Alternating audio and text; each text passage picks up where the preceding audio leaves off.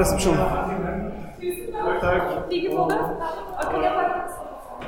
Hei. Så fint å se dere her, da. Ja. Vi skal snakke om at det er noe fantastisk å komme på jobb her. Det, det er ganske kult. Altså, sånn I hverdagen så glemmer vi jo litt hvor det er, ikke sant? Men uh, innimellom så var det sånn Det er veldig kult. Litt annerledes enn Oslo litt annerledes enn Oslo Met. Ja, ikke sant? Du hører på Viten og snakkes, en podkast fra Oslo Nett. Men eh, velkommen, kjære lytter, til en ny episode av podkasten Viten og snakkes. Og denne gangen har vi altså da eh, plassert oss i niende etasje i Oslo rådhus. Eh, Med meg her, Stig. God dag. God dag. Hvordan er det i Det niende føles- etasje i Oslo Føles, rådhus? det føles bra. På maktens tinder, sier det rett ut. Vi er her for å besøke deg, eh, Terje Helland. Eh, Velkommen, og velkommen tilbake eh, til podkasten. Tusen takk. Noen år siden nå så lagde vi en podkast om PISA-undersøkelsen der. Ja. Og det var jo fordi at du var da stipendiat hos oss på Oslo Met. Men nå er ikke du stipendiat i hele tatt. Hva er du nå? ja, nå er jeg politiker. Ja. Ja. Eh, så det, ja, det er jo litt morsomt, ikke sant? For jeg var stipendiat. Eh, først så var jeg jo høyskolelektor, og så fikk jeg permisjon fra det for å være stipendiat. Og midt i den stipendiatperioden så fikk jeg en telefon, så nå er jeg i permisjon fra stipendiatstillingen for å være politiker. ja. Permisjon, permisjon. Permisjon, permisjon. Du, Den telefonen du fikk, da, hvem det var fra? Det var fra eh, folk i Oslo SV som eh, var på jakt etter en eh, byrådssekretær til Inga Marte Torkelsen, som er byråd for oppvekst og kunnskap i Oslo. Ja. Da sa du ja med en gang. Det er jo sånn at sånne telefoner er gjerne litt sånn at man ringer for å høre om det er interesse og mulighet, og så må man snakke sammen, gjerne en del etter det. Men min interesse var veldig umiddelbar. Ja. Så jeg syns det var helt fantastisk eh, mulighet å, å få, og hadde veldig veldig lyst. Og er utrolig glad for å ha fått sjansen. Men du, du må fortelle litt, hva, hva er jobben din nå som, som altså, sekretær? Det er vel ikke det gode gamle sekretæryrket du eh, holder på med? Nei, det er jo mange stillinger som har sekretær i seg som ikke helt er som en god gammel sekretær, kanskje. F.eks. Secretary of State i USA eller noe litt annet. Ja, sånn. det er noe annet, ja. Um, dette er nok også noe litt annet enn det som mange tenker på som en sekretær. Men det er et veldig godt spørsmål hva en byrådssekretær er. Um, det er ikke så lett å svare på det. Ligner det på statssekretær? ja, det gjør Ja. det. Ikke sant? Eh, Men så er det ikke helt som statssekretær heller. Så ofte hvis man sammenligner liksom med det nasjonale nivå, så sier vi at det er en sånn blanding av å være politisk rådgiver og statssekretær. Okay. Mm. Ja. Men det jeg pleier å si når jeg er ute og presenterer meg, og folk lurer på hva byrådssekretær er, så pleier jeg å si at det er å være en vandrende skuffelse. Det er fordi, det- fordi det er jeg som kommer hvis byråden ikke kan. Ja, ja, ja. De vil ha byråden, så får de det istedenfor, ja. ja. Ja, du er liksom annenrangs, liksom. Som først ville helst ha Inga Marte, og så Nei, men det er jo litt fleipete å si, selvfølgelig. Eh, og så er det den delen av det som stemmer litt, er jo at jeg av og til eh, gjør ting hvis byråden ikke har anledning, så, så kan, jeg, eh, kan, kan jeg prøve å gjøre så godt jeg kan Klippe snorer og sånn. Ja. Når jeg er heldig, så kan jeg få være med på det. Ja. Men det er altså Jeg er en del av den politiske ledelsen her i byrådsavdelingen. Så vi er tre i den politiske ledelsen. Det er byråden, og så er vi to byrådssekretærer. Eh, og så er som sagt ellers da rollen litt sånn en kombinasjon av politisk rådgiver og, og det som nasjonalt vil være statssekretæroppgaver, da. Så det er veldig, veldig variert og utrolig spennende. Og det, og det er svært, altså det heter da Byråd for oppvekst og kunnskap. Ja. Og så gikk vi gjennom her og begynte å lese opp ansvarsområder deres. Barnehage, grunnskole, videregående, aktivitetsskole, skolehelsetjeneste, barnevern, helsestasjon, fag- og yrkesopplæring, voksenopplæring, skoleutbygging i Ja. eh, Oslo kommune. Det er ikke snaut. Du, Du kan bli kommune svett heller. av mindre. Ja, det, er, det er en eh, byrådsavdeling med veldig stort ansvarsområde. Eh, og innmari mye penger, f.eks. Uh, utrolig mange av byens innbyggere som på en eller annen måte hver eneste dag eh, blir berørt av det som vi har et styringsansvar for her i denne byrådsavdelingen. Eh, ikke sant? Bare hvis du tenker skole, eh, siden vi er eh, kommune, men også har fylkeskommunale oppgaver, så vi også har videregående og voksenopplæring som dere ramsa opp, så har vi jo Det er jo 90 000 elever i Oslo. Og de 90 000 elevene har jo noen foresatte og noen besteforeldre. altså Det er mange hundre tusen innbyggere som hver dag blir berørt av det som skjer bare i Oslo-skolen. Og så har du hele barnehagesektoren og alle disse andre områdene som du ramsa opp. Så det er klart at det vi holder på med her, det er hverdagen til de fleste i Oslo. Har du dine spesielle områder, eller? Ja. eh, Jeg, eh, vi har litt sånn porteføljefordeling mellom de to byrådssekretærene.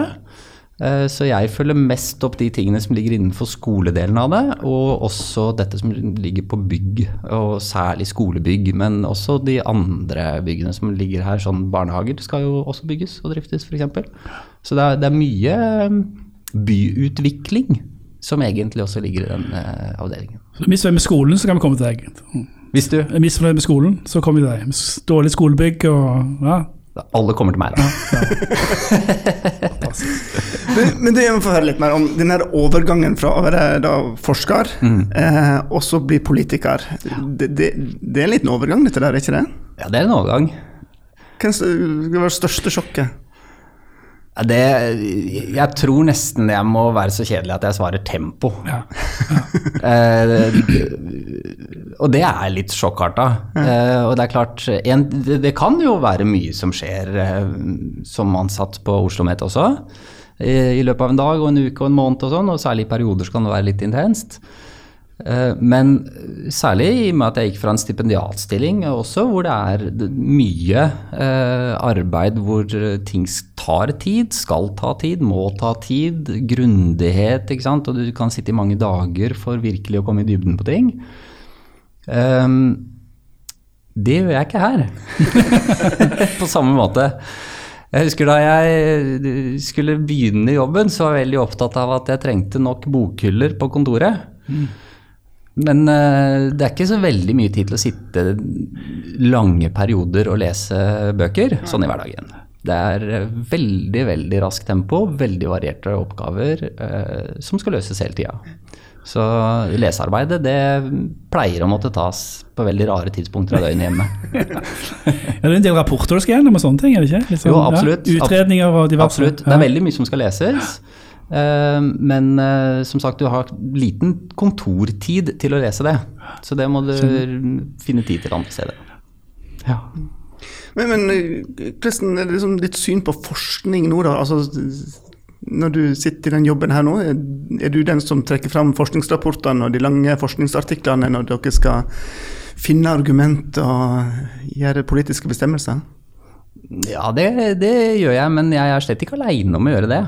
Uh, og det er jo Altså, forskningen er også veldig, veldig sentralt for alle de som jobber administrativt, eller altså i forvaltningen og i byråkratiet.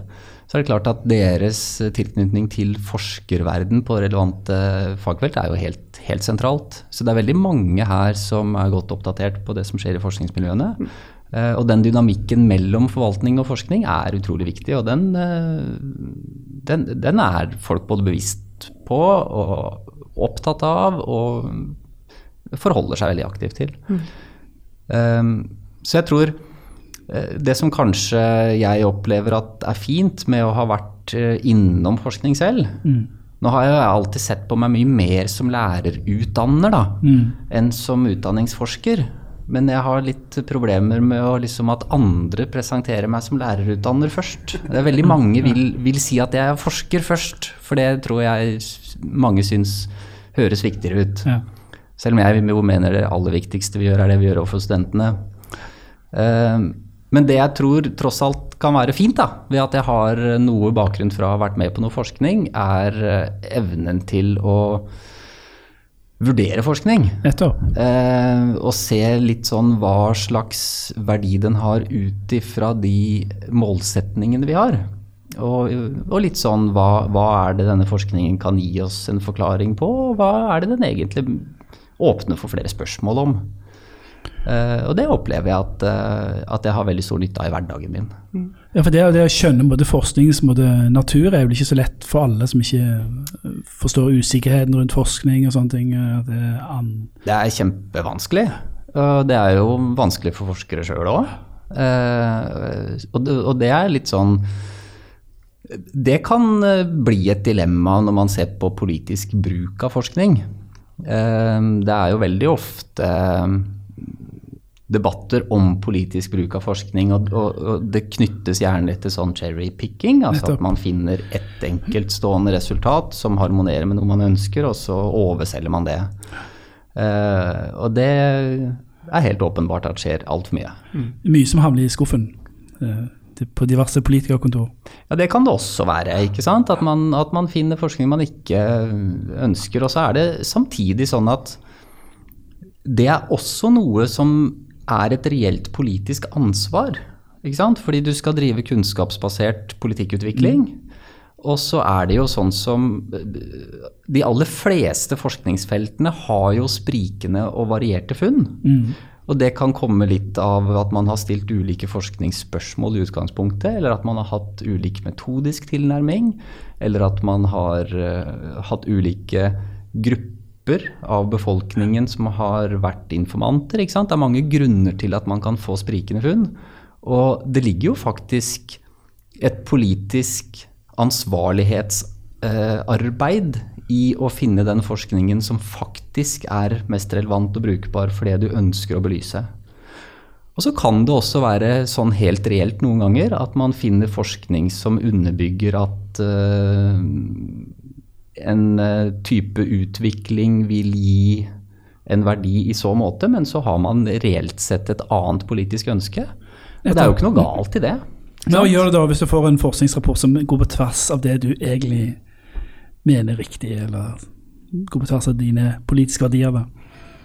Ja, Da må man gjøre en vurdering da, om, eh, om den eh, rapporten faktisk gir et funn som gir grunnlag for å korrigere det politiske ønsket, eller om det politiske ønsket skal stå seg allikevel. Og så må man bruke den kunnskapen til å si at ok, den underbygger et annen mulig retning. Ja, for det er andre, hensyn, eneste som, andre hensyn som kan tas inn i vurderingen. sant? Absolutt. Ja, ja, ja. absolutt.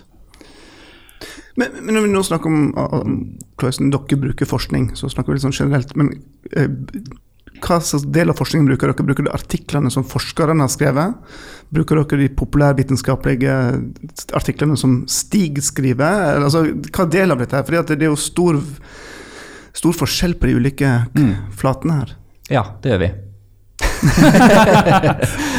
ja, altså det, det varierer. ja. Og det, det kan være alt. Ikke sant? Og det vi har vi sitter som politikere og leser eh, originale forskningsartikler selv også, men jeg gjør selvfølgelig det mye mindre enn da jeg var utdanningsforsker. Eh, og så har vi jo et kjempedyktig eh, byråkrati her som leser forskning og som sammenfatter ting. Og så har vi samlerapporter. ikke sant? Alt det blir brukt. Det som er viktig for oss, er at vi har et godt helhetsbilde om hva forskningen viser oss, sånn at vi kan bruke det. Og så er, det, og så er jeg også veldig opptatt av at det å bruke forskning klokt inn i politikkutvikling er kjempeviktig. Men skal vi være godt kunnskapsinformerte som politikere, så må vi bruke mer enn bare forskningen. Ja. Da er vi nødt til å bruke både innbyggere og ansattes erfaringskunnskap som en del av eh, et sånt kunnskapstriangel da, som vi er opptatt av, for å ha et best mulig beslutningsgrunnlag. Eh, og det kan være mange eksempler der eh, brukere av tjenester f.eks. sine erfaringer eh, gir, en, eh, gir kunnskap som peker i retning av at vi må gå en annen vei enn det kanskje forskningsfunnene viser. Så får vi balansere, da. Ikke sant? Hva er det som skal eh, hensyntas og vektlegges tyngst i, i politikkutviklinga?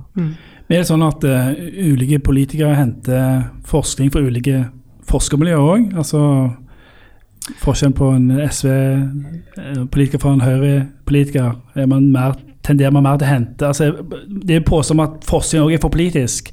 Ja. Det har vært en debatt om det òg. ja. Ja, det har det.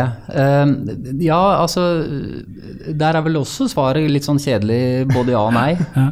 Ikke sant? På, på noen eh, temaer ikke sant? og på noen felt så kan man kanskje identifisere partipolitiske skiller på hvilke forskningsmiljøer man eh, ligger tyngst på. Da. Altså, la, oss si, la oss ta f.eks. innafor utdanningsforskning så har det vært gjort et stykke forskningsarbeid på eh, betydningen av eh, klassestørrelse. Det har vært veldig mye debattert, både før og etter innføringen av den lærernormen som gjelder nå. Eh, Det var jo en situasjon der hvor eh, den politiske høyresida eh, ikke ønsket en lærernorm. Eh, Den politiske venstresida og deler av sentrum ønsket en lærernorm. Eh, og da så man jo, og det var et forskningsfelt som var typisk sprikende. Utdanningsdirektoratet også har gjort noen forskningsoppsummeringer der som har vist at det er sprikende, sprikende funn. Noen, noen type forskning finner ikke utbytte, for å kalle det det, av eh, redusert klassestørrelse eller flere lærere. Annen forskning finner det. Eh, og da så vi jo, mener jeg da, i hvert fall i deler av den debatten, at eh, det helt åpenbart var ulikt hvilken type forskning de ulike politiske partiene valgte å legge vekt på. Og da valgte man forskning som underbygger det som var deres politiske mål. Ja, for man, det, Verdier er jo en viktig del av det politiske uh, politikken. altså, Så kan ikke bare Ja. lene seg på mot fakta.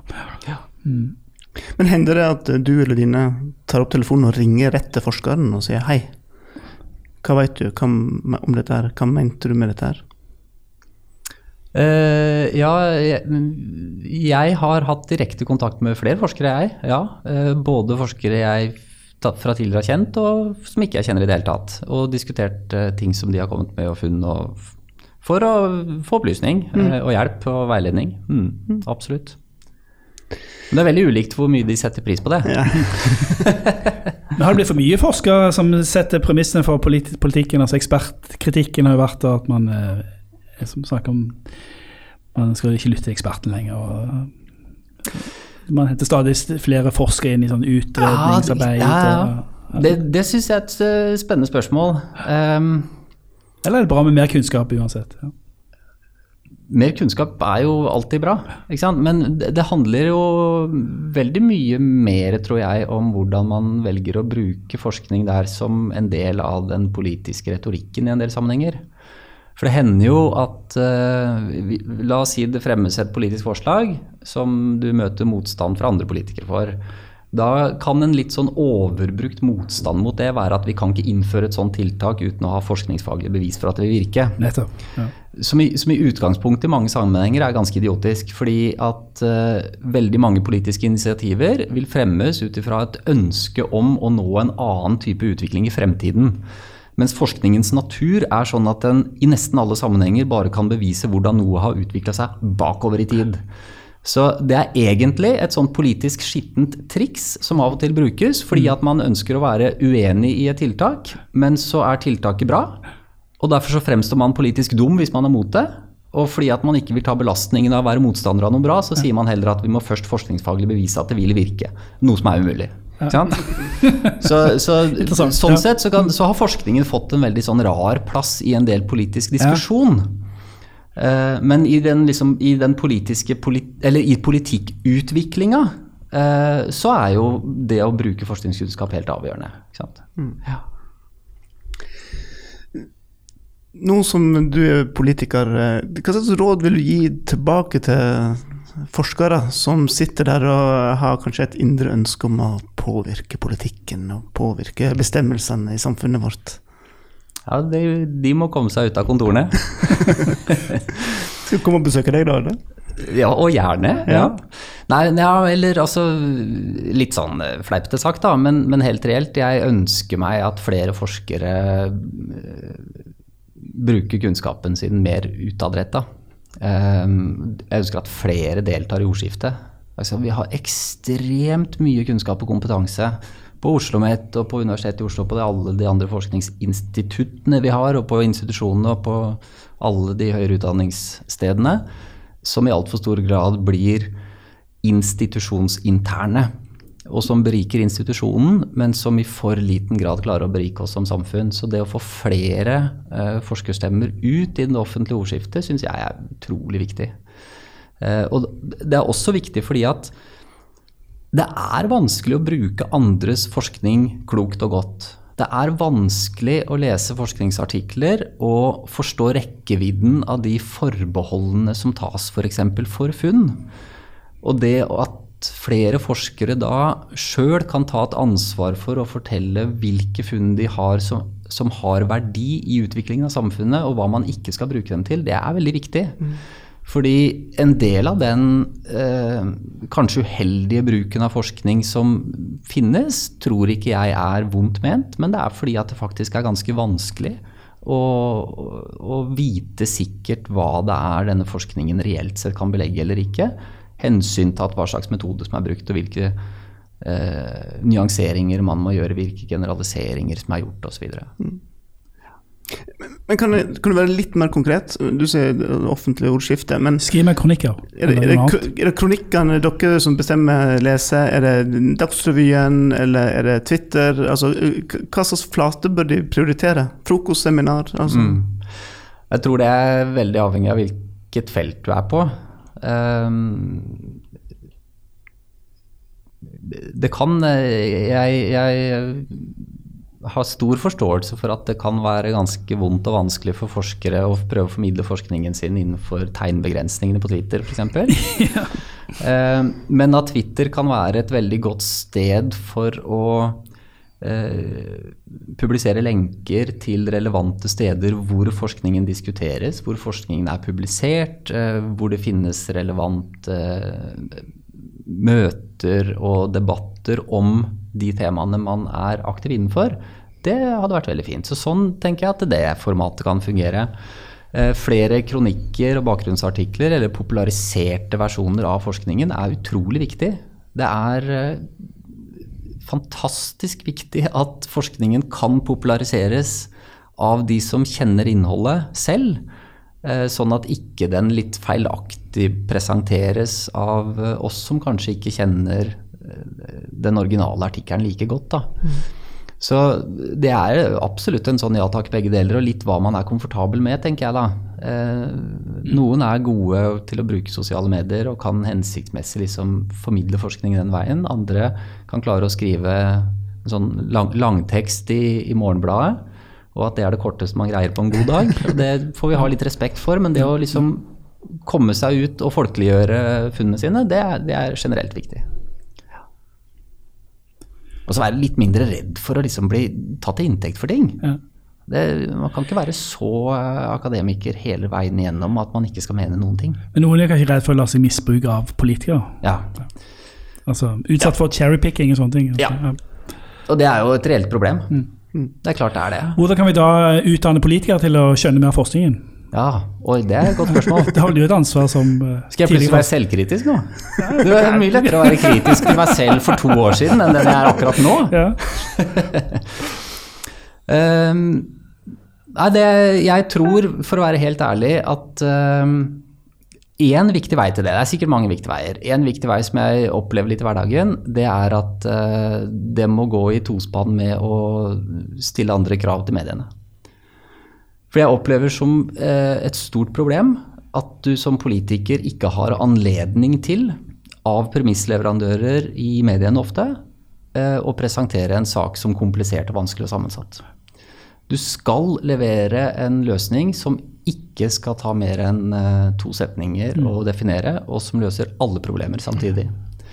Eh, og når det blir premisset for hva som får medieomtale, som igjen setter premissene for videre mediedebatt om en sak, så har vi egentlig et ganske stort problem i å gi vilkår til god bruk av eh, det som finnes av forskningskunnskap. Men Der har, både, der har jo forskere og politikere samme sak, egentlig. For der er det jo det at alt skal reduseres til så enkelt som mulig, jeg har jo en forskerutfordring. Så, det ja. måtte, så her må man treffes uavhengig av mediene forsker må snakke direkte med politikere, så da får man eh, Ja. ja. Uh, og, og, jeg tror at uh, uh, vi som politikere trenger trenger opplæring i å akseptere at forskningen ikke alltid beviser noe. Nettopp. Ikke sant? Og forholde oss til at det kan være forskningsfunn som er solide og valide og relevante og gode, som peker i én retning, samtidig som du har like valide, relevante, gode forskningsfunn som peker i en annen retning. Og da er egentlig vi som politikere plassert der vi skal være. nemlig der hvor vi prioriterer hva vi mener er viktigst, også med utgangspunkt i noen verdier om hva slags samfunnsutvikling vi skal ha. Men vi, vi trenger eh, kanskje opplæring eh, til å bli flinkere til å akseptere at vi kan ikke eh, bruke forskningen som fasit for alt vi skal gjøre. Men som en informasjon til kunst, et sted hvor vi blir kunnskapsinformerte. da. Sist gang vi lagde podkast, så da, da snakket vi om PISA-undersøkelsen og, og dette med, med testing av mm. elevene våre. Og nå sitter du som politiker, og nå har vi nettopp snakka om hvordan du bruker forskningen. Ja. Men eh, så er det jo, en stor debatt i samfunnet om disse testene, s- eh, som en òg bruker på selve elevene. Eh, Er, det et kunnskapsgrunnlag som du bruker òg? Ja, det bruker jeg. Men der er vi også kanskje inne på det området hvor jeg er mest frustrert over hvordan politikere bruker informasjon om skolen. Noe av denne informasjonen er jo forskning. PISA og Teams og ICC som jeg fikk være med på og hadde glede av og sånn, er jo primært forskningsprosjekter. Eh, Så har vi nasjonale prøver, og vi har kartleggingsprøver, og vi har eh, skolebidragsindikatorer, eh, hvor vi har egentlig masse skoleresultater som lever i både som del av forskningsarbeid om skolen, og som i seg sjøl er en samling av elevresultater. Og som genererer et stort tallmateriale om skolen og om elever. Og der syns jo jeg vi er inne på det området hvor den politiske bruken av skoleresultater, av elevresultater, virkelig er bekymringsfull. Ikke problemet. Mye av problemet eh, kan være knytta til at eh, dette her er vanskelig å vite hva for noe. Eh? Nasjonale prøver, f.eks. Jeg har eh, jeg, Nå har jeg hatt selv vært foreldre til barn i skole i eh, ti år. Og snakket med mange andre foreldre. Og jeg har til gode å møte noen foreldre som ikke har sjekka eh, sin skoles resultater på nasjonale prøver. Men jeg har også til gode å møte en forelder som vet hva det tallet betyr. Og som har grunnlag for å forstå det. Samtidig så bruker alle det til å trekke en veldig skarp konklusjon om den skolen er god eller ikke. I betydningen gjør læreren en god jobb, gjør, gjør rektor en god jobb, og lærer, kommer mitt barn til å lære mye på den skolen eller ei.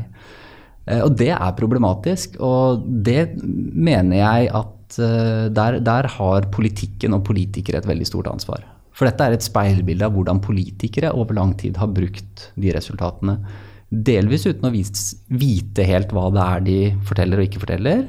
eh, Og delvis, tror jeg, rent politisk motivert for å eh, skape en retorikk som er politisk forankra, og med bruk av tall som ikke forteller det de hevder at det skal fortelle.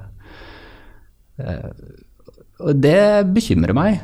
Um, Men hva er løsningen, da? Vi skal Altså, slutte med undersøkelsene. Ja, det, det, er jo et veldig godt spørsmål. For? Vi har hatt disse undersøkelsene nå i veldig, veldig mange år. Ehm, Jeg tror vi er rundt 15 år hvor vi har hatt nasjonalprøver, f.eks. Uh, nei, er, det er kanskje litt mer òg, men 15 år pluss eller noe sånt. Og i hele den perioden så har vi hatt en for så vidt enighet på tvers av alle partiene. Det er ikke prøvene i seg selv er den men det er bruken av dem. Og Hvis du har en vedvarende destruktiv bruk av dette her, hvor lenge skal man da fortsette? Ikke sant? Så det stiller jo i hvert fall spørsmål om det er eh, hensiktsmessig at eh, disse resultatene publiseres på en sånn måte at de kan brukes på den måten. Eh, det, er, det er kanskje ikke vi har eh, et politisk Norge som er modent for. Ikke sant? Eller bruke faktabasert argumentasjon mot, da. Ja, det, Men det er det ikke plass til i mediene, kanskje? Veldig ofte ikke. Ikke sant? Eh, Og det er for så vidt også en frustrasjon. Ikke sant? Noen av disse medieinnsalgene som har kommet til oss. Så har vi svart ut med opplysninger om hva dette her faktisk handler om. F.eks. at det er ulike elever, og at endringene ikke er innafor en usikkerhetsmargin. Eh, At det er ganske problematisk å få oss til å uttale oss på grunnlag av eh, premisser som faktisk ikke har rot i virkeligheten. Vi kommer ikke noen vei med det. Det blir ikke akseptert som en tilbakemelding, det, og det endrer ikke den redaksjonelle eh, avgjørelsen om at dette er en sak vi har lyst til å skrive. Så det er, det er krevende å møte den type veldig veldig tendensiøs bruk av testresultater eh, med en type sånn balansert tilbakemelding. I det øyeblikket man sjøl er politiker. Som forsker så kan du gjøre det. Og så kan du, kan du få på et sitat om at sånn kan du ikke bruke tallene.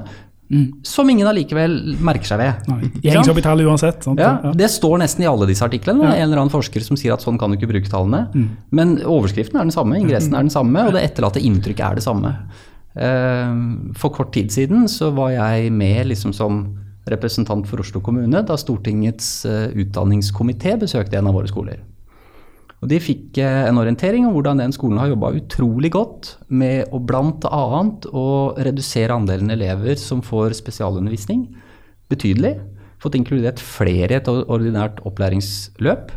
Fått økt voldsomt andelen elever som gjennomfører og får karakterer på, i alle fag og alle eksamener. Noe vi vet henger veldig nært sammen med en eh, større sannsynlighet for å gjennomføre videregående opplæring, komme seg ut i jobb og leve et godt liv. Altså en skole som imponerte hele Stortingets utdanningskomité ved utrolig godt faglig arbeid. Den samme skolen eh, fikk veldig lav score på skolebidragsindikatoren. Vi vet ikke hvorfor. Ikke? Og Det er noe av problemet med tallmaterial dette tallmaterialet.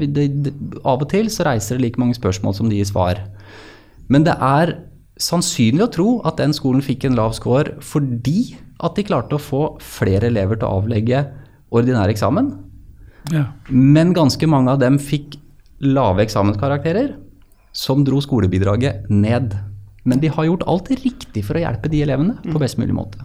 Så det er et stort problem, et enormt problem, når toppolitikere da bruker enkeltresultater på måter som kan diskreditere den skolens gode arbeid, fordi at man skal ettertrakte og standardisere opplæringsløpet på en sånn måte at det enkelttallet blir godt. Men, men, men nå har jo du politisk makt. Ja. Kan du ikke bare fjerne alle, alle, alle testene? Eller alle du syns det er blitt brukt dårlig og ikke funker? Jeg vet ikke om det er lurt å fjerne alle sammen. Um, jeg vet i hvert fall ikke om det er lurt at jeg bestemmer at alle sammen skal fjernes. Men det vi har gjort her, det er jo at vi har gjort ganske mange av de prøvene som har vært Oslo-spesifikke, og som har vært obligatoriske for bare Oslo tidligere, frivillige. Så vi har sagt at uh, i, den, uh, i den grad skolene og rektorene opplever at dette her er nyttige verktøy for deres skoleutvikling, må de gjerne gjennomføre det, men det er ikke et pålegg fra oss. Uh, Det har jeg veldig tro på. Jeg tror generelt at noe av det viktigste vi kan gjøre, er å flytte makta i skoleutviklinga ned i systemet. Slik at det, det gode, gamle lokale utviklingsarbeidet, som er initiert og forankra, og som man, man har et eierskap til ute på skolene, det er der vi driver kvalitativ utvikling. Er det politikeren eller forskeren som snakker nå? Å, nå er det politikeren. og forskeren. Herlig forening. Nei, men, men dette er vår politikk. Akkurat disse tingene står i våre oppdragsbrev, og det er den, det er den retningen vi ønsker at vi skal utvikle Oslo-skolen. Du, du sitter vel ganske trygt du nå eh, fram til neste eh, lokalvalg?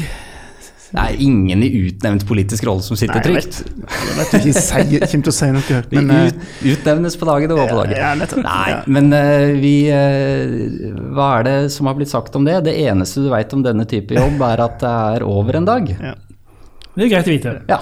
Og når det er over, så kommer du og banker på døra hos oss igjen, da? eller? Ja, jeg har jo permisjon derfra. Ja. Så Får se om man får permisjon så lenge. da. ja. Det kommer an på hvor lenge du sitter. La meg man stikke av og be om etterlønn eller et eller annet. Jeg vet ikke. Mm. Ja. Men, eh, men hvordan tror du den overgangen blir tilbake hvis det, det går fra politiker til forsker igjen? da? Kommer du til å sitte opp hos oss og uh, vibrere og riste og gå for sakte og uh, savne makta og sånne ting, eller? Det er veldig mye av eh, hverdagen i det jeg holder på med nå som jeg kommer til å savne. Eh, og det er klart at dette tempoet som sjokkerte meg, det er jo også eh, Det er jo nesten sånn at du går på adrenalin. Sant? Og du får være med på utrolig mye spennende. Du får være med på veldig mye veldig viktig, eh, og hvor du har et veldig stort ansvar. Eh, som kan av og til være litt skremmende, men som selvfølgelig også er veldig, veldig spennende og givende å få være med på. Eh, og det er klart at jeg kommer til å savne det.